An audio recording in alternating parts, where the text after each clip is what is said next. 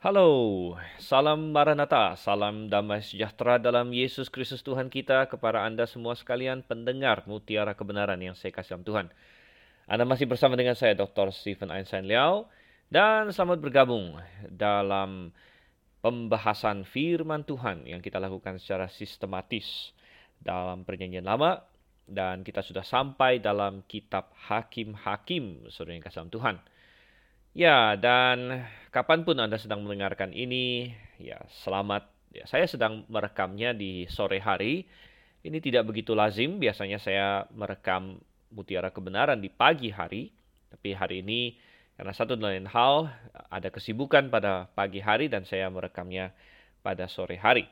Tetapi tidak masalah, Kadang-kadang kita tidak melakukan sesuatu pada waktu yang kita inginkan, namun lebih baik melakukannya daripada tidak sama sekali.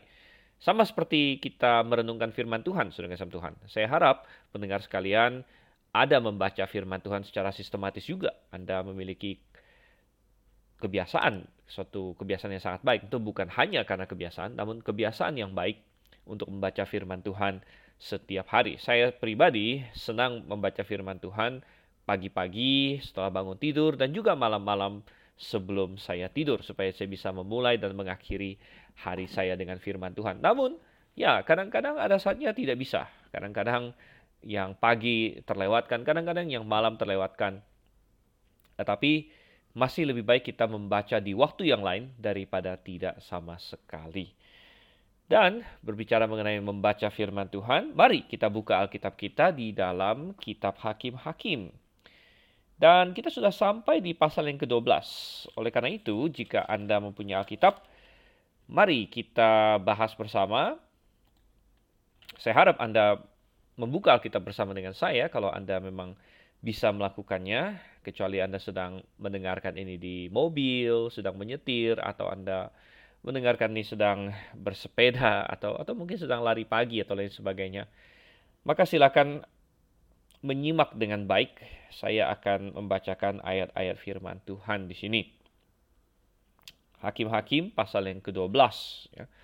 Dan sebelum kita masuk, saya akan ajak kita berdoa terlebih dahulu. Bapak di surga, kami mengucap syukur untuk firman-Mu, kami mengucap syukur kami bisa dituntun, kami memiliki suatu dasar yang absolut Tuhan. Kami tidak harus ditiup ke sana kemari oleh rupa-rupa angin pengajaran, tapi kami memiliki suatu kepastian di dalam firman-Mu yang absolut dan pasti benar. Pimpin kami, kami ingin belajar daripadanya, sertai Tuhan. Kami berdoa dalam nama Yesus Kristus. Amin. Hakim-hakim pasal 12, dan sedikit konteks, tentu kalau Anda melanjutkan anda Anda mendengarkan sesi ini sebagai kelanjutan dari sesi sebelumnya, Anda tentu masih tahu ya. Tapi mungkin ada sebagian yang tiba-tiba masuk di sesi ini, maka kita sedikit mengingatkan bahwa di kitab Hakim-hakim ada berbagai masalah yang timbul karena manusia. Israel di sini ya, tapi Israel mewakili umat manusia terus-menerus berdosa kepada Tuhan. Dan ketika mereka berdosa, Tuhan terlalu mengasihi mereka, Tuhan tidak akan membiarkan mereka dalam dosa sehingga Tuhan menghukum mereka. Nah, kadang-kadang kita tidak begitu melihat hukuman Tuhan sebagai bentuk kasih Tuhan. Namun itu adalah hal yang benar saudara kasih Tuhan. Hukuman Tuhan adalah salah satu bentuk kasih Tuhan karena kalau Tuhan tidak menghukum Israel, Tuhan berkata, "Ah, biarkan saja. Biarkan saja Israel berdosa. Biarkan mereka terus menjauh." Maka itu adalah hal yang jauh-jauh lebih parah karena mereka akan binasa. Mereka generasi demi generasi akan terhilang. Namun Tuhan menghukum mereka. Tuhan menghukum mereka justru membuat minimal ada sebagian yang berbalik. Ada generasi yang berbalik. Dan ketika mereka berbalik kepada Tuhan, maka Tuhan menyelamatkan mereka. Dan Tuhan menggunakan tokoh-tokoh, pemimpin-pemimpin yang Tuhan bangkitkan yang disebut hakim-hakim. Dan hakim-hakim ini mengajak umat untuk berbalik kepada Tuhan. Kemudian Tuhan pakai mereka untuk menyelamatkan mereka dari musuh dan akhirnya ada suatu masa yang relatif aman, relatif damai karena mereka berpaut pada Tuhan. Namun siklus itu berulang bahwa kemudian akan ada generasi yang baru, kemudian orang-orang meninggalkan Tuhan dan sebagainya dan terjadi berulang-ulang. Kita di sini sudah sampai kepada siklus yang keenam yaitu di Yefta, saudara Tuhan. Yefta dan kita sudah lihat Yefta ini adalah seorang Gilead di pasal 11 kita sudah membahas tentang pribadi Yeftanya kemudian pertempuran yang dia alami bagaimana dia adalah seorang yang lahir secara mungkin kalau orang dunia bilang tidak fair. Dia lahir dari anak seorang perempuan sundal dari kecil dicap dan lain sebagainya. Oke kita sudah bahas semua itu dan bagaimana itu semua bisa dikalahkan uh, melalui uh, suatu hubungan dengan Tuhan ya suatu kemenangan dari Tuhan. Nah, jadi Yefta sudah menang dan juga di pasal 11 di sesi yang lalu kita sudah melihat masalah nazar dia, kita sudah bahas itu. Sekarang pasal 12 ini berbicara mengenai suatu peristiwa yang terjadi setelah dia menang, Dan kemudian nanti di akhir pasal 12 kita akan melihat juga beberapa hakim-hakim lain yang yang jarang dikenal orang. Ada tiga hakim yang kebanyakan orang tidak tahu nama mereka dan hanya disinggung sangat sedikit sekali dalam Alkitab. namun tentunya pasti dicatatkan untuk suatu suatu alasan bagi kita. Tapi sebelumnya kita akan lihat dulu Yefta. Dan Lembaga Alkitab Indonesia memberikan judul di sini Yefta dan Efraim. Oke, saya baca ayat 1 dari Hakim-Hakim pasal 12. Dikerahkanlah orang Efraim, lalu mereka bergerak ke Zafon. Dan mereka berkata kepada Yefta, mengapa engkau bergerak untuk memerangi Bani Amon dengan tidak memanggil kami untuk maju bersama-sama dengan engkau.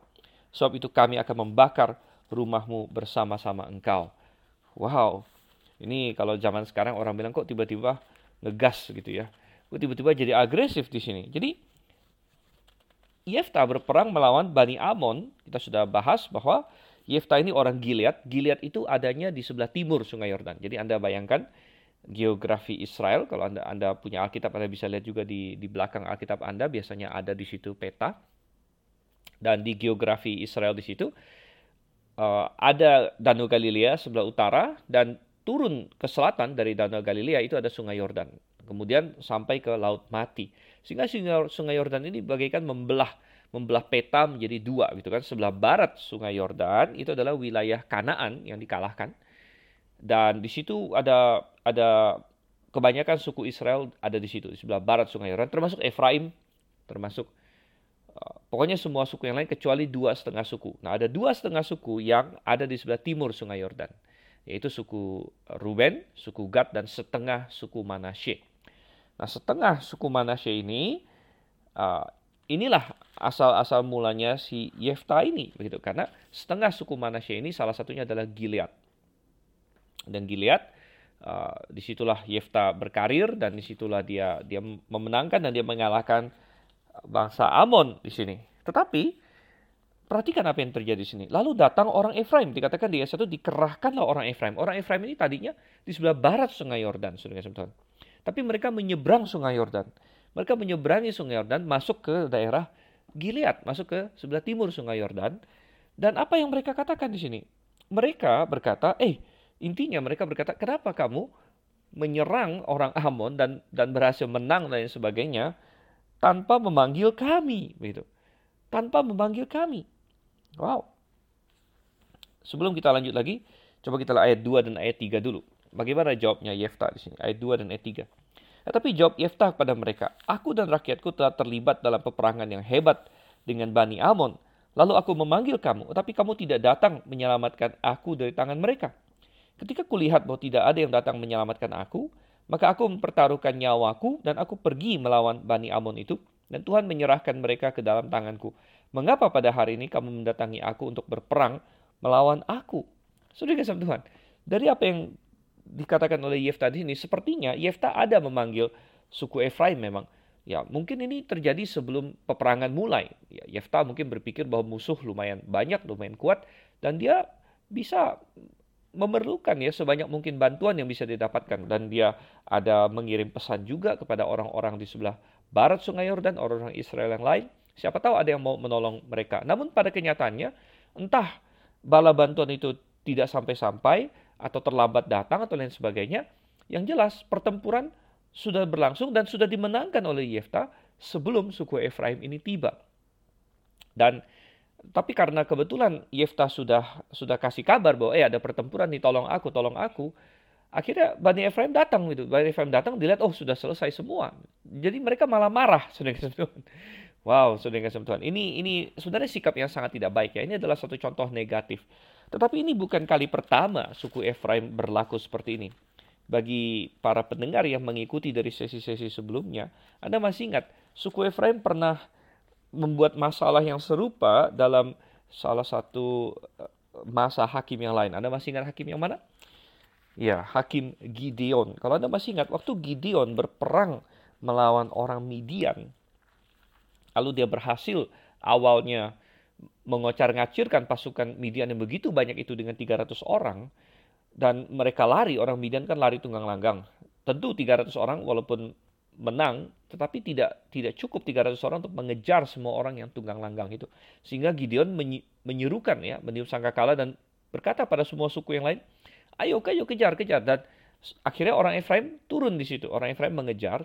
Tetapi kalau Anda masih ingat di pasal yang ketujuh, hakim-hakim pasal 7 dan pasal 8 awal, mereka malah marah sama Gideon. Kenapa tidak dari awal kasih tahu mereka gitu? Kenapa tidak tidak kasih tahu mereka dari awal? Dan barulah setelah Gideon boleh dibilang apa ya? Uh, ya me, menyurutkan egonya orang Efraim ini dengan berkata, eh toh kalian sudah berhasil menangkap dua raja gitu. Sedangkan saya belum ada apa-apanya. Jadi kalian yang datang belakangan pun sudah lebih hebat dari saya. Baru orang Efraim surut. Jadi kita melihat ini konsisten dengan apa yang terjadi di pasal 12 yang tadi kita baca. Permasalahan suku Efraim adalah mereka terlalu sombong. Mereka bagaikan seseorang yang di dalam hidupnya ini merasa bahwa orang lain itu hutang apa sama dia begitu. Jadi merasa diri selalu paling hebat. Nah memang Efraim adalah suku yang hebat. Dan mungkin sifat sombong mereka ini mereka dapatkan karena ada beberapa tokoh hebat dari dari mereka. Ingat bahwa Yosua itu berasal dari suku Efraim.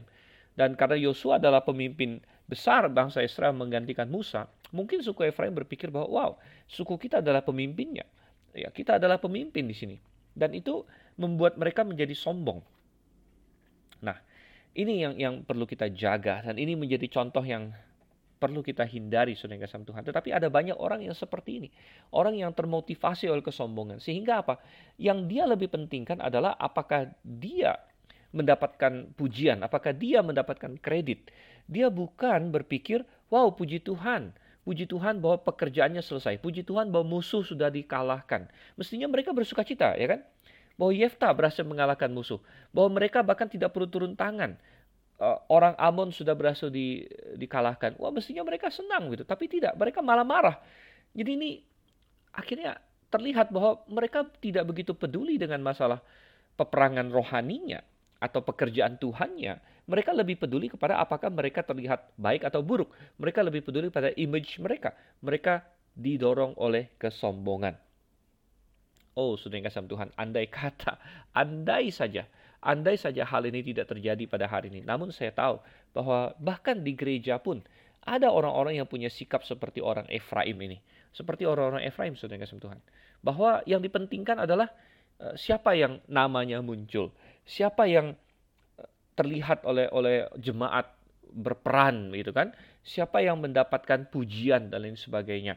Dan mereka tidak begitu peduli tentang pekerjaan Tuhan sebenarnya bukan itu yang utamanya. Kalau orang yang benar-benar peduli dengan pekerjaan Tuhan, maka tidak peduli, tidak peduli uh, siapa yang melakukan, tidak peduli bagaimana-bagaimana. Uh, yang penting adalah pekerjaan Tuhan selesai, saudara Oh, Paulus pernah menyinggung ini. Coba kita lihat di dalam uh, surat Paulus. Kita lihat dalam Filipi 1 ayatnya yang ke-15. Oke. Okay. Filipi 1 ayat 15. Saya akan bacakan di sini. Ada orang yang memberitakan Kristus karena dengki dan perselisihan, tetapi ada pula yang memberitakannya dengan maksud baik. Mereka ini memberitakan Kristus karena kasih sebab mereka tahu bahwa aku ada di sini untuk membela Injil. Tetapi yang lain karena kepentingan sendiri dan dengan maksud yang tidak ikhlas sangkanya. Dengan demikian mereka memperberat bebanku dalam penjara. Tetapi tidak mengapa, Sebagaimanapun juga Kristus diberitakan, baik dengan maksud palsu maupun dengan jujur. Tentang hal itu aku bersuka cita dan aku akan tetap bersuka cita. Bahkan di masa Paulus pun, Paulus menyadari ada orang-orang yang memberitakan Injil dengan maksud yang tidak tulus. Mungkin mereka ingin menjadi penginjil nomor satu. Wah, mereka kayak berlomba-lomba. Mereka ingin mendapatkan nama mereka. Oh, saya loh yang membaptis paling banyak orang. Saya loh yang mendirikan paling banyak gereja dan lain sebagainya. Tapi Paulus tidak pernah menganggap itu suatu lomba-lombaan. Bahkan dia dia sangat marah ketika di di jemaat Korintus ada orang yang Anda baca lagi di satu Korintus di situ ya, ada orang-orang yang memakai nama dia untuk membuat kelompok-kelompok begitu. Dan sepertinya sepertinya salah satu yang mereka permasalahkan atau mereka perbandingkan adalah uh, Paulus membaptis berapa banyak orang. Wah, ini kami kelompok Paulus gitu. Lalu ada orang lagi bikin kami kelompok Apolos. Ada yang lagi bikin kami kelompok Kefas dan sebagainya. Dengan Paulus marah sekali, dia bilang nggak ada hubungannya. Saya tidak mau ikut dalam dalam masalah kalian seperti ini. Dan dia berkata bahwa uh, aku yang menanam, Apolos yang menyiram, Tuhan yang memberikan pertumbuhan. Paulus berlanjut lagi berkata bahwa aku mengucap syukur bahwa aku tidak membaptis begitu banyak orang di antara kalian. Ya, dan dia hanya menyebut beberapa keluarga yang yang dia baptis dengan kasih Tuhan. Jadi kita perlu uh, benar-benar me memahami hal ini dan kita perlu benar-benar mengintrospeksi diri. Apalagi kalau kita mau melayani Tuhan. Apakah saya melayani karena cinta akan diri sendiri, karena saya ingin tampil, dan ini bisa muncul dalam macam-macam. Apa pun pelayanan, ada orang yang bernyanyi untuk Tuhan. Dia bernyanyi, kasih special number di paduan suara atau lain sebagainya. Kalau itu tulus, puji Tuhan. Tapi ada orang yang melakukannya karena ingin show off. Karena ingin, wah, dilihat hebat. Lalu dia saing-saingan dengan eh, kalau ada orang lain yang yang nyanyi dan lain sebagainya. Ada orang yang main musik, itu bagus. Tapi apakah itu dengan dengan tulus atau tidak? Ada orang yang eh, berbagai jenis pelayanan yang lain, sudah Tuhan. Ada yang eh, berkhotbah bahkan. Ya, berkhotbah apakah untuk untuk kemuliaan Tuhan saja atau kita berlomba-lomba dengan orang lain. Kita kita mau dilihat sebagai yang paling hebat dan lain sebagainya. Oh, ini tidak boleh. Tidak boleh ada hati demikian. Kita harus introspeksi diri. Semuanya kita bisa lihat seperti itu. Nah, kembali ke hakim-hakim pasal 12. Jadi Bani Efraim di sini ya, sampai-sampai mereka mau membakar rumahnya Yefta karena mereka merasa kehilangan pamor, kehilangan kehilangan muka di sini. Oke, kita lanjut ayat 4 sampai dengan ayat yang ke-7. Apa yang terjadi? Ayat 4 kemudian Yefta mengumpulkan semua orang Gilead lalu mereka berperang melawan suku Efraim. Dan orang-orang Gil sorry dan orang-orang Gilead mengalahkan suku Efraim itu. Sebab orang-orang itu mengatakan, "Kamulah orang-orang yang telah lari dari suku Efraim." Kaum Gilead itu ada di tengah-tengah suku Efraim dan suku Manasye. Untuk menghadapi suku Efraim itu, maka orang Gilead menduduki tempat-tempat penyeberangan sungai Yordan. Apabila dari suku Efraim ada yang lari dan berkata, biarkanlah aku menyeberang, maka orang Gilead berkata kepadanya, orang Efraimkah engkau? Dan jika ia menjawab, bukan, maka mereka berkata kepadanya, coba katakan dahulu, Shibolet. Jika ia berkata Sibolet, jadi tidak dapat mengucapkannya dengan tepat, maka mereka menangkap dia dan menyembelihnya dekat tempat-tempat penyeberangan sungai Yordan itu. Pada waktu itu tewaslah dari suku Efraim 42 ribu orang. Yefta memerintah sebagai hakim atas orang Israel enam tahun lamanya. Kemudian matilah Yefta orang Gilead itu, lalu dikuburkan di sebuah kota di daerah Gilead. Ya, akhirnya peperangan terjadi, peperangan terjadi dan ini peperangan yang sangat disayangkan. Kalau di pasal 11 peperangan terjadi antara Yefta dengan Bani Amon, dengan Tuhan. Jadi antara Israel dengan non Israel dengan dengan orang yang menentang Tuhan itu itu kita sangat pahami. Tetapi yang sangat disayangkan di sini adalah terjadi peperangan antara Israel sendiri. Ya, apa boleh buat karena Bani Efraim termotivasi oleh eh, tadi kesombongan mereka. Akhirnya terjadi peperangan di sini. Terjadi peperangan uh, Gilead melawan suku Efraim. Dan mungkin tadinya suku Efraim berpikir bahwa mereka akan menang dengan mudah karena sekali lagi suku Efraim adalah salah satu suku terbesar di Israel dan mereka berpikir mereka pasti akan menang dengan mudah. Uh, dan ya kita tahu bahwa mereka memang cari-cari masalah. Bahkan nanti kita akan lihat di sejarah selanjutnya setelah kerajaan itu kokoh di tangan Yehuda melalui keturunan Daud, belakangan, ya memang ini karena dosa Salomo juga, belakangan akhirnya kerajaan itu pecah. Kerajaan itu pecah dan Efraimlah yang menjadi pusat eh, perpecahan itu Karena Efraim akhirnya tidak mau tunduk kepada Yehuda dan mendirikan kerajaan mereka sendiri menjadi kerajaan Israel Utara, sedangkan Yehuda tetap di selatan, saudara Tuhan. Jadi kita melihat ya, ya terjadi hal seperti ini. Dan ini sangat disayangkan, namun ini adalah peperangan yang harus dilakukan. Harus dilakukan ya. Dan tapi ini ini adalah kebodohan dari orang-orang uh, Efraim dan akhirnya mereka kalah. Di ayat 4 dikatakan mereka berperang antara Gilead dengan Efraim dan orang-orang Gilead mengalahkan suku Efraim itu. Mungkin Efraim berpikir mereka akan menang dengan mudah, namun bicara mereka lebih besar daripada kekuatan mereka dan kita juga bisa melihat bahwa Tuhan menyertai pihak yang benar di sini ya dan pihak yang benar adalah orang Gilead dan Efraim adalah pihak yang bertindak secara kedagingan. Dan apa yang terjadi? Wow, 42 ribu orang tewas di sini. 42 orang ribu tewas. Eh, satu kebodohan yang terjadi. Dan uh, ya saya selalu katakan bahwa kita harus berhati-hati ya. Jangan sampai di dalam gereja sendiri terjadi peperangan. Itu peperangan kita mestinya adalah melawan kesesatan, melawan melawan uh, roh-roh jahat, ya, melawan kekacauan di dunia ini, melawan dosa. Jangan berperang melawan uh, teman sendiri, melawan saudara sendiri, melawan orang sama orang Kristen. Nah, kadang-kadang ada orang salah menafsirkan ini. Salah menafsirkan ini karena mereka berpikir, oh kita tidak boleh berperang sesama orang Kristen. Nah, uh, salah menafsirkannya bagaimana? Saya berkata bahwa ada orang yang lalu berkata, kalau gitu kita tidak boleh uh, mencari doktrin yang benar. Kalau gitu kita tidak boleh berdebat doktrin yang benar. Kita tidak boleh melakukan separasi. Ini salah, saudara saudara. Ini salah. Ya, karena uh, kalau kita bicara mengenai doktrin yang benar, itu harus diperjuangkan. Itu harus diperjuangkan. Alkitab menyuruhnya di dalam Yudas surat Yudas pasal 1 ayatnya yang ketiga dikatakan saudara-saudaraku yang kekasih sementara aku bersungguh-sungguh berusaha menulis kepada kamu tentang keselamatan kita bersama aku merasa terdorong untuk menulis ini kepada kamu dan menasihati kamu supaya kamu tetap berjuang untuk mempertahankan iman yang telah disampaikan kepada orang-orang kudus. Jadi mempertahankan iman mempertahankan kebenaran itu itu harus dilakukan. Ya misalnya kita mempertahankan bahwa Yesus satu-satunya juru selamat. Oke, itu sudah sudah pasti benar. Tetapi bahkan doktrin-doktrin lain, kita mempertahankan bahwa baptisan itu hanya untuk orang percaya, bukan untuk bayi. Itu sangat penting, saudara Tuhan. Kita mempertahankan bahwa Tuhan Yesus akan datang kembali untuk menjemput kita di angkasa. Doktrin rapture, doktrin bahwa Tuhan akan datang mendirikan kerajaan seribu tahun di muka bumi ini. Ini doktrin yang penting. Dan kalau misalnya kita harus memisahkan diri dari orang-orang yang eh, berlainan doktrin dengan kita, yang yang mengajarkan kesesatan dan kekacauan itu adalah Alkitabiah. Coba kita buka lagi dalam Roma pasal 16. Roma pasal 16 ayat yang ke-9 eh, ayat yang ke-17 dan 18. Roma 16 ayat 17 saya akan bacakan.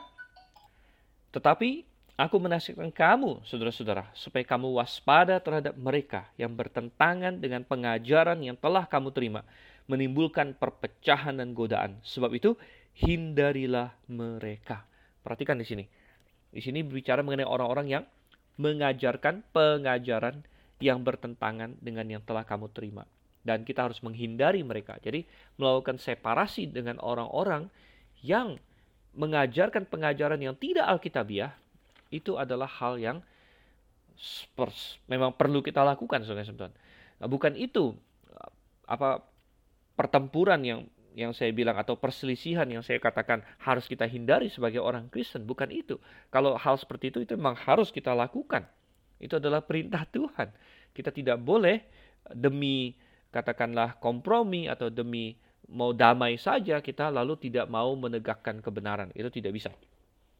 Tetapi yang saya maksud adalah jangan sampai ada perselisihan di antara orang Kristen apalagi dalam satu jemaat karena hal-hal yang kedagingan karena kesombongan masing-masing. Ya, misalnya, oh yang satu maunya dia yang tampil, yang satu enggak, dan sebagainya. Akhirnya konflik. Nah, ini adalah konflik yang bodoh. Ini adalah konflik yang tidak memuliakan Tuhan, saudara Tuhan. Ah, atau macam-macam lagi yang lain. Ah, ada yang satu mau usulan dia diterima oleh gereja, yang satu mau usulan dia diterima oleh gereja, lalu marah dan dan saling ber, berperang dan lain sebagainya. Yang yang bukan bicara mengenai doktrin, tapi mengenai masalah hal-hal duniawi. Oh, banyak gereja yang seperti itu. Ada yang sengketa masalah harta, ada yang masalah uh, jabatan, ada yang masalah macam-macam saudara kasih Tuhan. Dan itu semua mempermalukan nama Tuhan. Kita kembali lagi ke hakim-hakim pasalnya yang ke-12 di sini. Jadi akhirnya suku Gilead berperang melawan suku Efraim.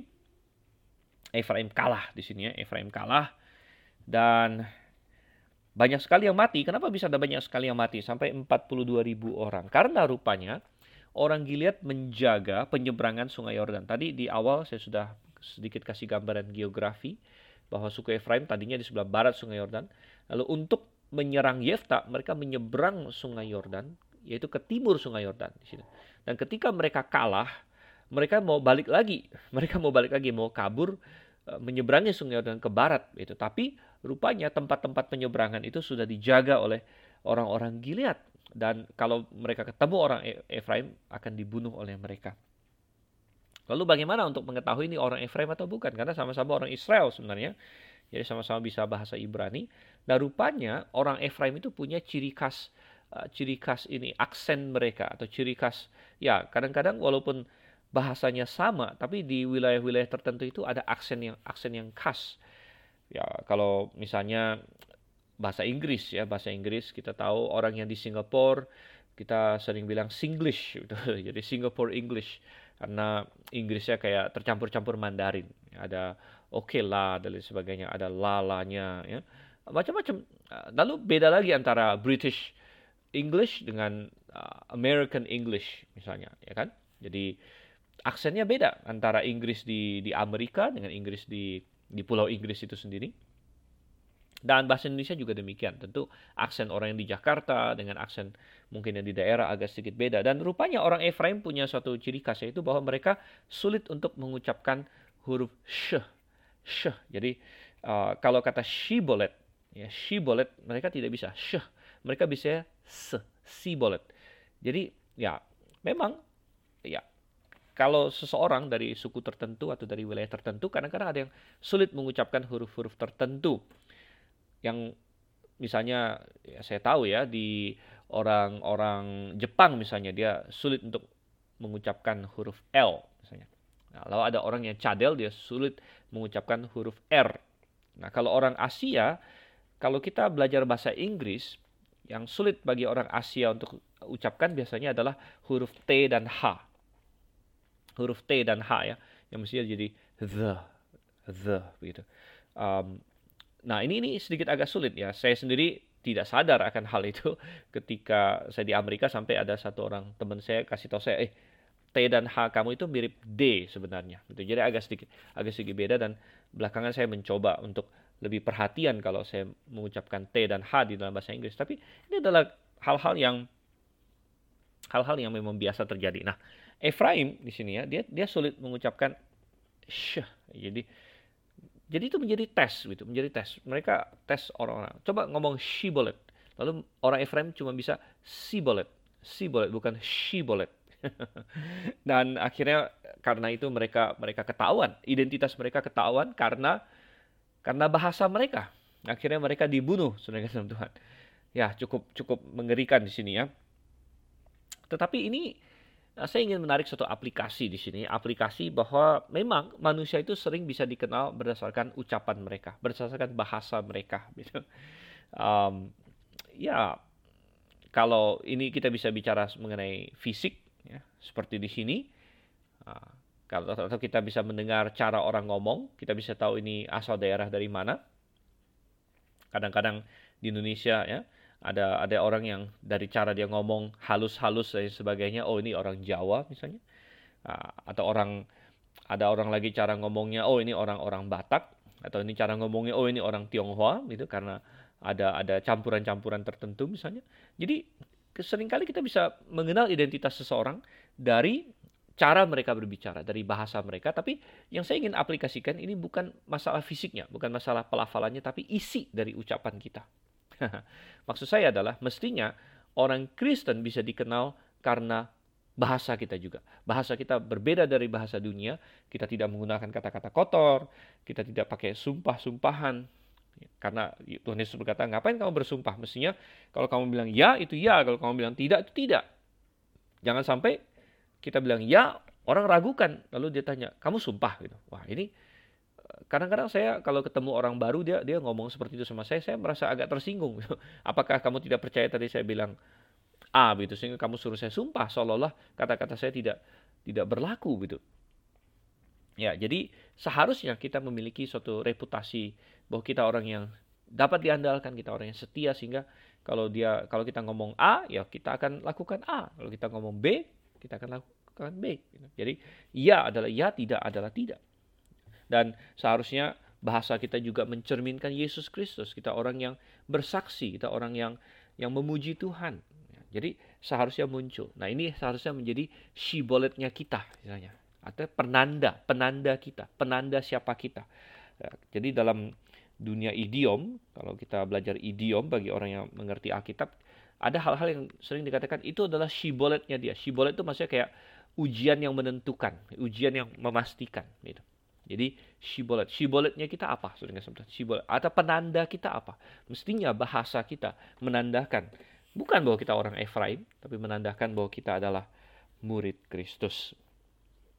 Oke, dengan demikian kita um, mau mengakhiri Yefta di sini dan dia menang melawan orang Efraim dan dia memerintah sebagai hakim enam tahun lamanya. Jadi tidak tidak lama, hanya enam tahun mungkin salah satu yang termasuk sangat cepat di sini dalam ukuran hakim-hakim dan dia mati dan dia dikuburkan di sebuah kota di daerah Gilead. Oke, dan setelah Yefta, kita melihat di sini Hakim-hakim pasal 12 berlanjut lagi ada tiga hakim lain yang akan disebut dan walaupun tiga tapi mereka disinggung sangat singkat dalam Alkitab. Kita akan mulai ayat 8 sampai dengan ayat yang ke-10 terlebih dahulu. Sesudah dia, maka Ebzan dari Bethlehem memerintah sebagai hakim atas orang Israel ia mempunyai 30 anak laki-laki. 30 anaknya perempuan dikawinkannya keluar kaumnya. Dan 30 anak perempuan diambilnya dari luar kaumnya untuk anak-anaknya lelaki itu. Yang memerintah atas orang Israel tujuh tahun lamanya. Kemudian matilah Ebzan, lalu dikuburkan di Bethlehem. Oke, ini memulai satu seri, ada tiga hakim yang akan disebut di sini, Ebzan, kemudian nanti ada Elon dan Abdon, tapi yang pertama adalah Ebzan, dia memerintah setelah Yefta. Ingat Yefta memerintah sangat singkat, lalu dilanjutkan oleh Ebzan yang rupanya juga sangat singkat, hanya hanya dikatakan di sini tujuh tahun lamanya. Sangat sedikit yang kita ketahui tentang Ebzan. Namun sekali lagi prinsipnya adalah sama seperti waktu kita membahas di pasal yang ke-10, waktu kita bahas si Tola, si Yair, dan bahkan di awal sekali waktu kita membahas yang namanya Samgar bahwa kadang-kadang ada banyak hal yang kita lakukan yang dunia tidak ketahui, saudara. Namun ingat, Tuhan mencatatnya. Tuhan mencatatnya. Jadi semua nama-nama yang disebut juga menjadi, memberikan pengharapan kepada kita bahwa dunia mungkin tidak tahu apa yang kita lakukan. Ya, tapi Tuhan tahu apa yang kita lakukan. Dan Tuhan mencatat Ebzan di sini, Tuhan mencatat Elon, nanti mencatat Abdon. Tuhan tahu apa yang kita lakukan. Dan ini ini baik atau tidak baik tergantung kita lakukannya baik atau tidak baik. Gitu. Kalau misalnya saya ngomong kepada Anda, eh Tuhan tahu loh yang kamu lakukan, Anda senang atau tidak senang? Gitu. Nah ini tergantung apakah Anda berlaku baik atau tidak baik. Orang yang berlaku tidak baik, kalau diperingatkan, eh Tuhan tahu loh apa yang kamu lakukan, dia akan ketakutan. Tapi orang yang berlaku baik, kalau diingatkan, eh Tuhan tahu loh apa yang kamu lakukan, dia akan senang. Oh, pekerjaanku tidak sia-sia, pekerjaanku uh, walaupun orang tidak tahu, walaupun saya memberikan persembahan secara diam-diam, walaupun nama saya tidak muncul, Walaupun ada hal yang mungkin orang sudah lupa. Walaupun pagi-pagi saya datang ke gereja, saya sapu, nggak ada orang yang tahu, nggak ada orang yang kasih uh, terima kasih, tidak ada orang yang acknowledge saya. Namun Tuhan tahu. Dan seperti yang Tuhan katakan dalam Injil bahwa segelas air putih pun tidak akan dilupakan. Semuanya tercatat. Tuhan tahu ini adalah suatu pengharapan dan penghiburan yang luar biasa. Jadi Ebzan, Elon, Abdon, mungkin kita bertanya ngapain Tuhan catat mereka? Toh kita nggak dikasih tahu apa-apa tentang mereka. Gitu kan? Ada pelajaran apa tentang mereka? Ya, kita berkata bahwa semua yang dicatatkan itu berguna bagi kita.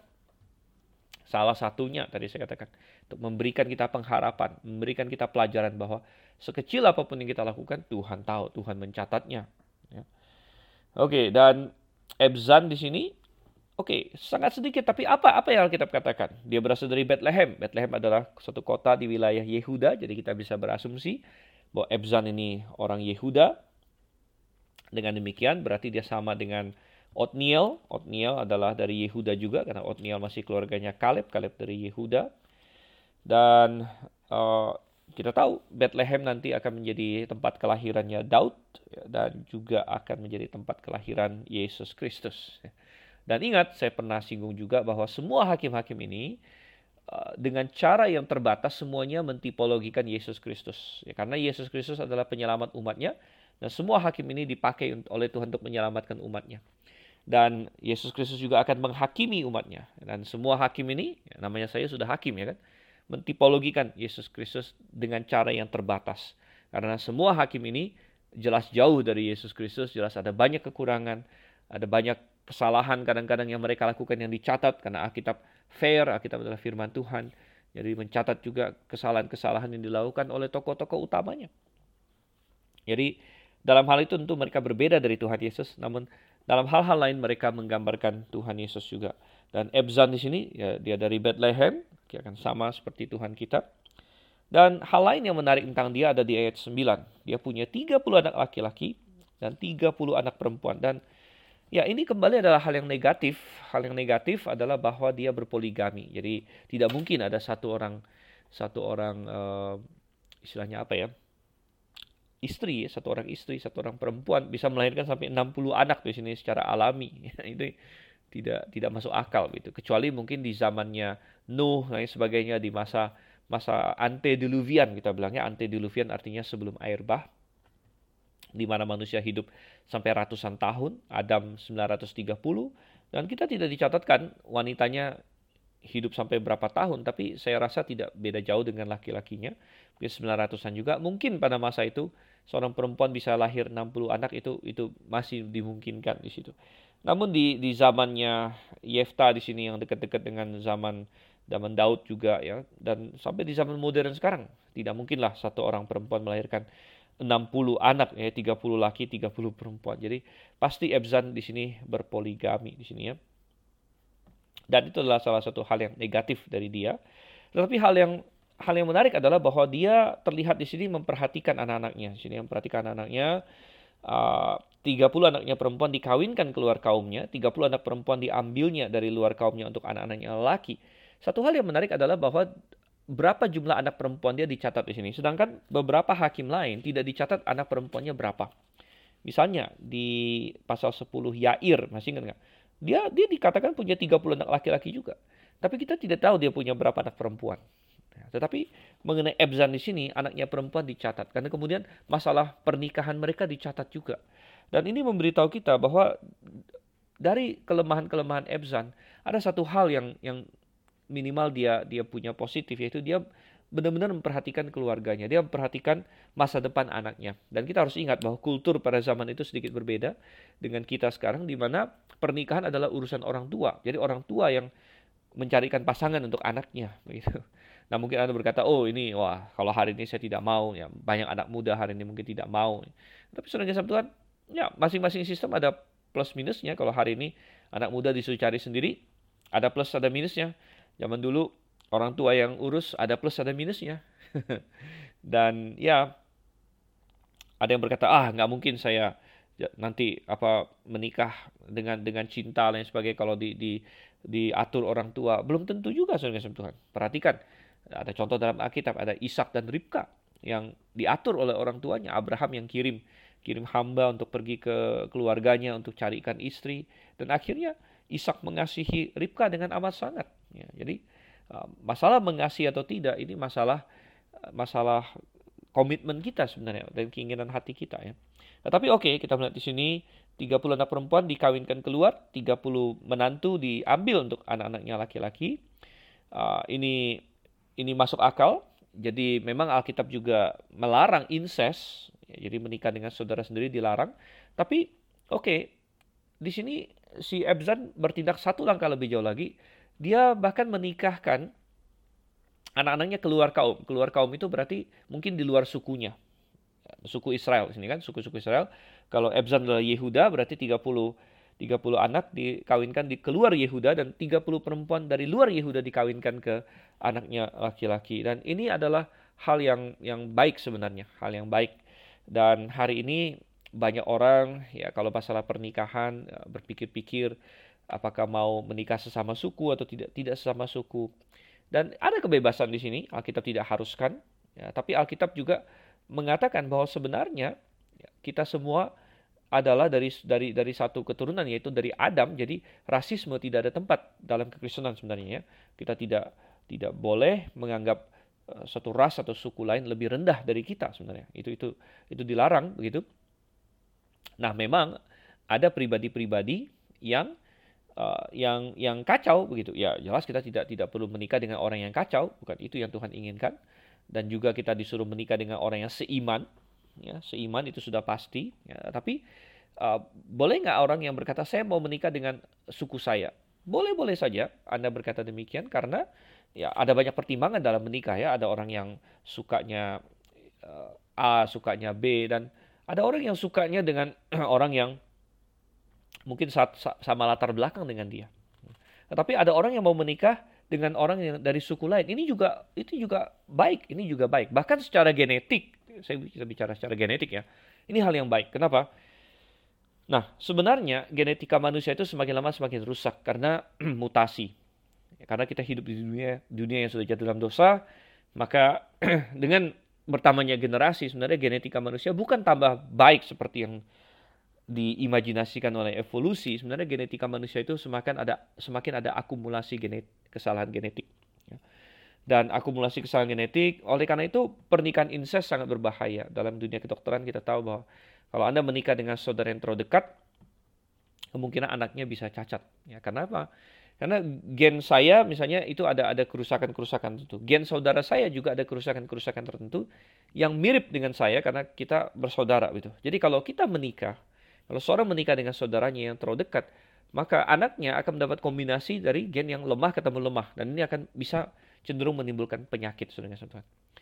Nah, gen manusia ya makin lama makin terakumulasi kesalahan genetika. Salah satu cara untuk memperlambat hal ini adalah untuk menikah dengan orang yang gennya memang lebih bervariasi sebenarnya.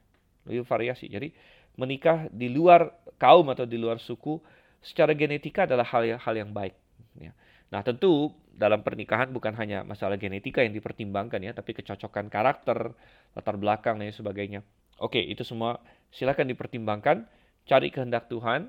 Ya, tapi kita melihat di sini Ebzan dia peduli dengan anak-anaknya dia uh, dia mempersiapkan anak-anaknya dan kita pun hari ini kalau anda sebagai orang tua kita perlu mempersiapkan anak-anak kita mungkin bukan zamannya lagi sampai kita pilihkan pasangan hidup mereka tapi kita mempersiapkan mereka untuk bisa memilih pasangan hidup dengan baik nah ini penting bisakah anda mempersiapkan anak-anak anak anda untuk bisa memilih pasangan hidup dengan baik. Artinya Anda bekali mereka dengan prinsip-prinsip dan dengan dengan pengetahuan akan firman Tuhan, akan pengenalan akan Tuhan yang benar.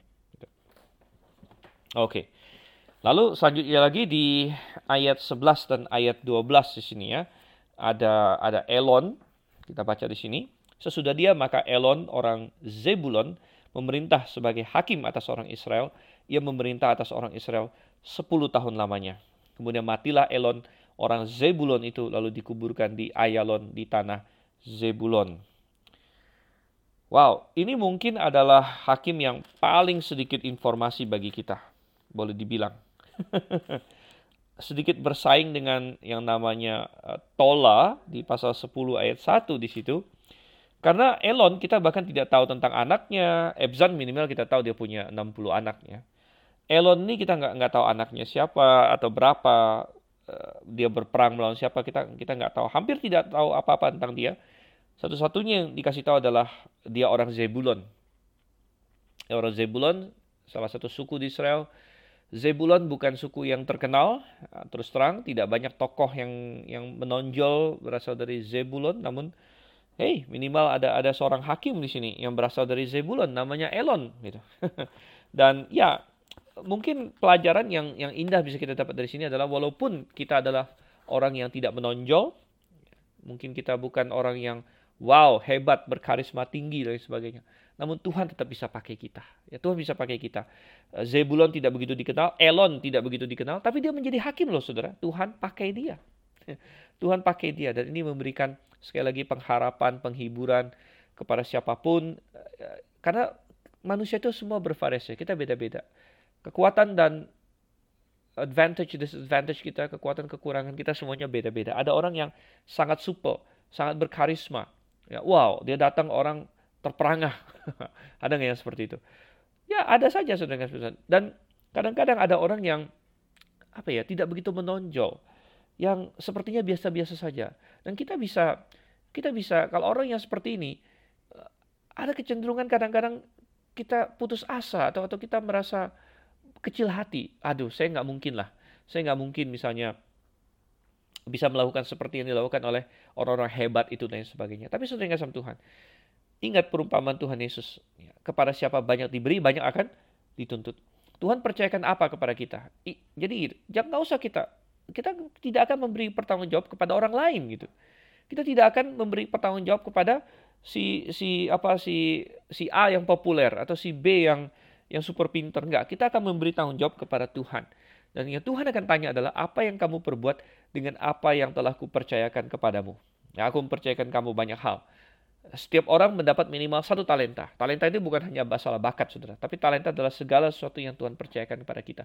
Oke, termasuk bakat, tapi banyak yang lain. Kalau Anda sudah diselamatkan, wow, itu sudah luar biasa. Anda sudah, sudah, nggak usah ngomong lagi. Anda sudah sangat diberkati karena saya sudah diselamatkan. Tapi kita semua punya bahkan lebih dari itu. Ya Tuhan, Tuhan berikan begitu banyak pada kita. Dan Elon, Elon, hakim Elon, hakim yang tidak menonjol, hakim yang hampir tidak ada orang tahu apa-apa tentang dia, dari suku yang tidak menonjol, Zebulon, dia bisa dipakai oleh Tuhan. Dia bisa dipakai oleh Tuhan karena dia setia, dia dia menjadi hakim. Oke, okay. Dan kita pun kita bisa melakukan apa yang Tuhan tetapkan bagi kita menggunakan hal-hal yang telah Tuhan berikan kepada kita. Dan selanjutnya yang terakhir di pasal 12 ini adalah seorang hakim bernama Abdon. Oke, Abdon di sini ya. Kita baca dari ayat 13. Sesudah dia, maka Abdon bin Hilal orang Piraton memerintah sebagai hakim atas orang Israel. Ia mempunyai 40 anak laki-laki dan 30 cucu laki-laki dan yang mengendarai 70 ekor keledai jantan yang memerintah atas orang Israel delapan tahun lamanya. Kemudian matilah Abdon bin Hilal orang Piraton itu lalu dikuburkan di Piraton di tanah Efraim di pegunungan orang Amalek. Oke, Abdon ini juga sangat sedikit yang diberitahu pada kita, tapi minimal ada sedikit lebih banyak dari si Elon. Di mana, oke, okay, Abdon dikatakan sebagai uh, orang Piraton. Piraton adalah nama tempat dia lahir.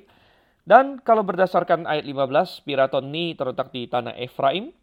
Ya, berarti dia orang Efraim. Orang Efraim. Dan ya sekali lagi Efraim memang suku besar, banyak tokoh berasal dari dia.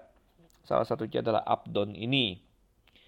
Lalu apalagi mengenai Abdon di sini? Dia mempunyai 40 anak laki-laki dan 30 cucu laki-laki dikatakan di sini ya.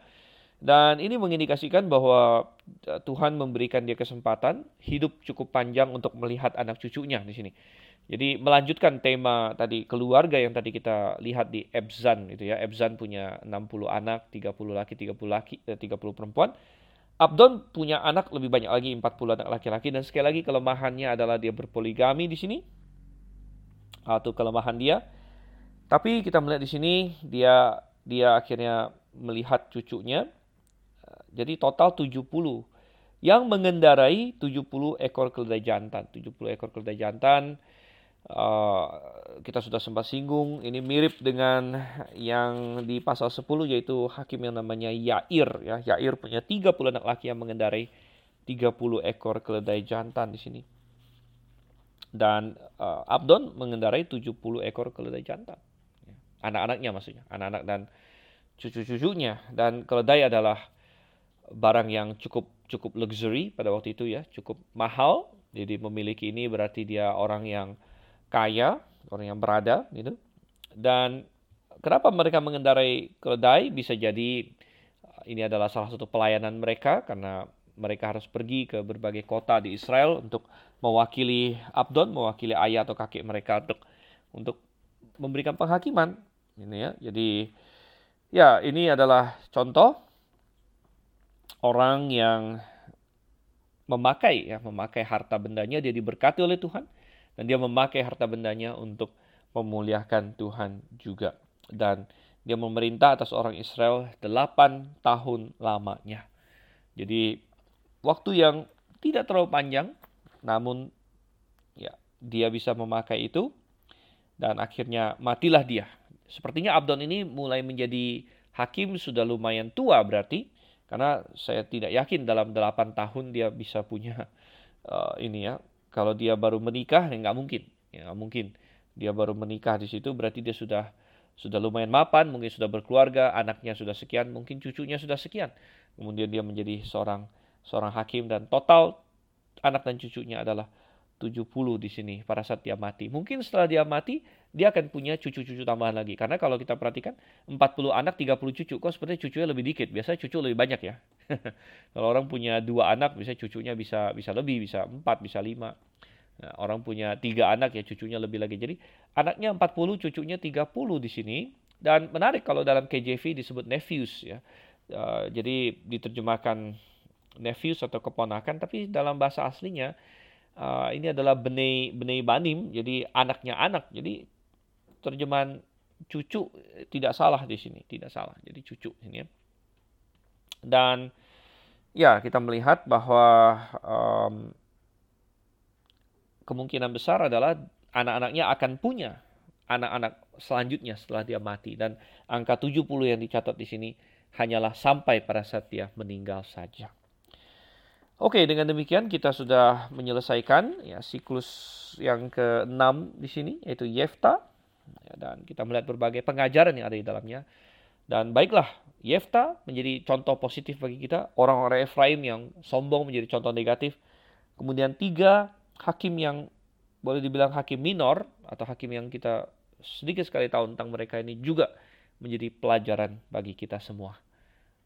Nantikan lagi kebenaran firman Tuhan dalam pasal-pasal selanjutnya karena kita akan masuk ke siklus yang terakhir yang sangat menarik yaitu Simpson. Ya Simpson akan menjadi menjadi hakim yang paling panjang pembahasannya nanti dari pasal 13 sampai dengan pasalnya yang ke-16 jadi paling banyak pasal paling banyak perikop dipakai oleh Tuhan untuk menuliskan tentang Simpson tentu sangat menarik. Dan jangan lewatkan sesi selanjutnya.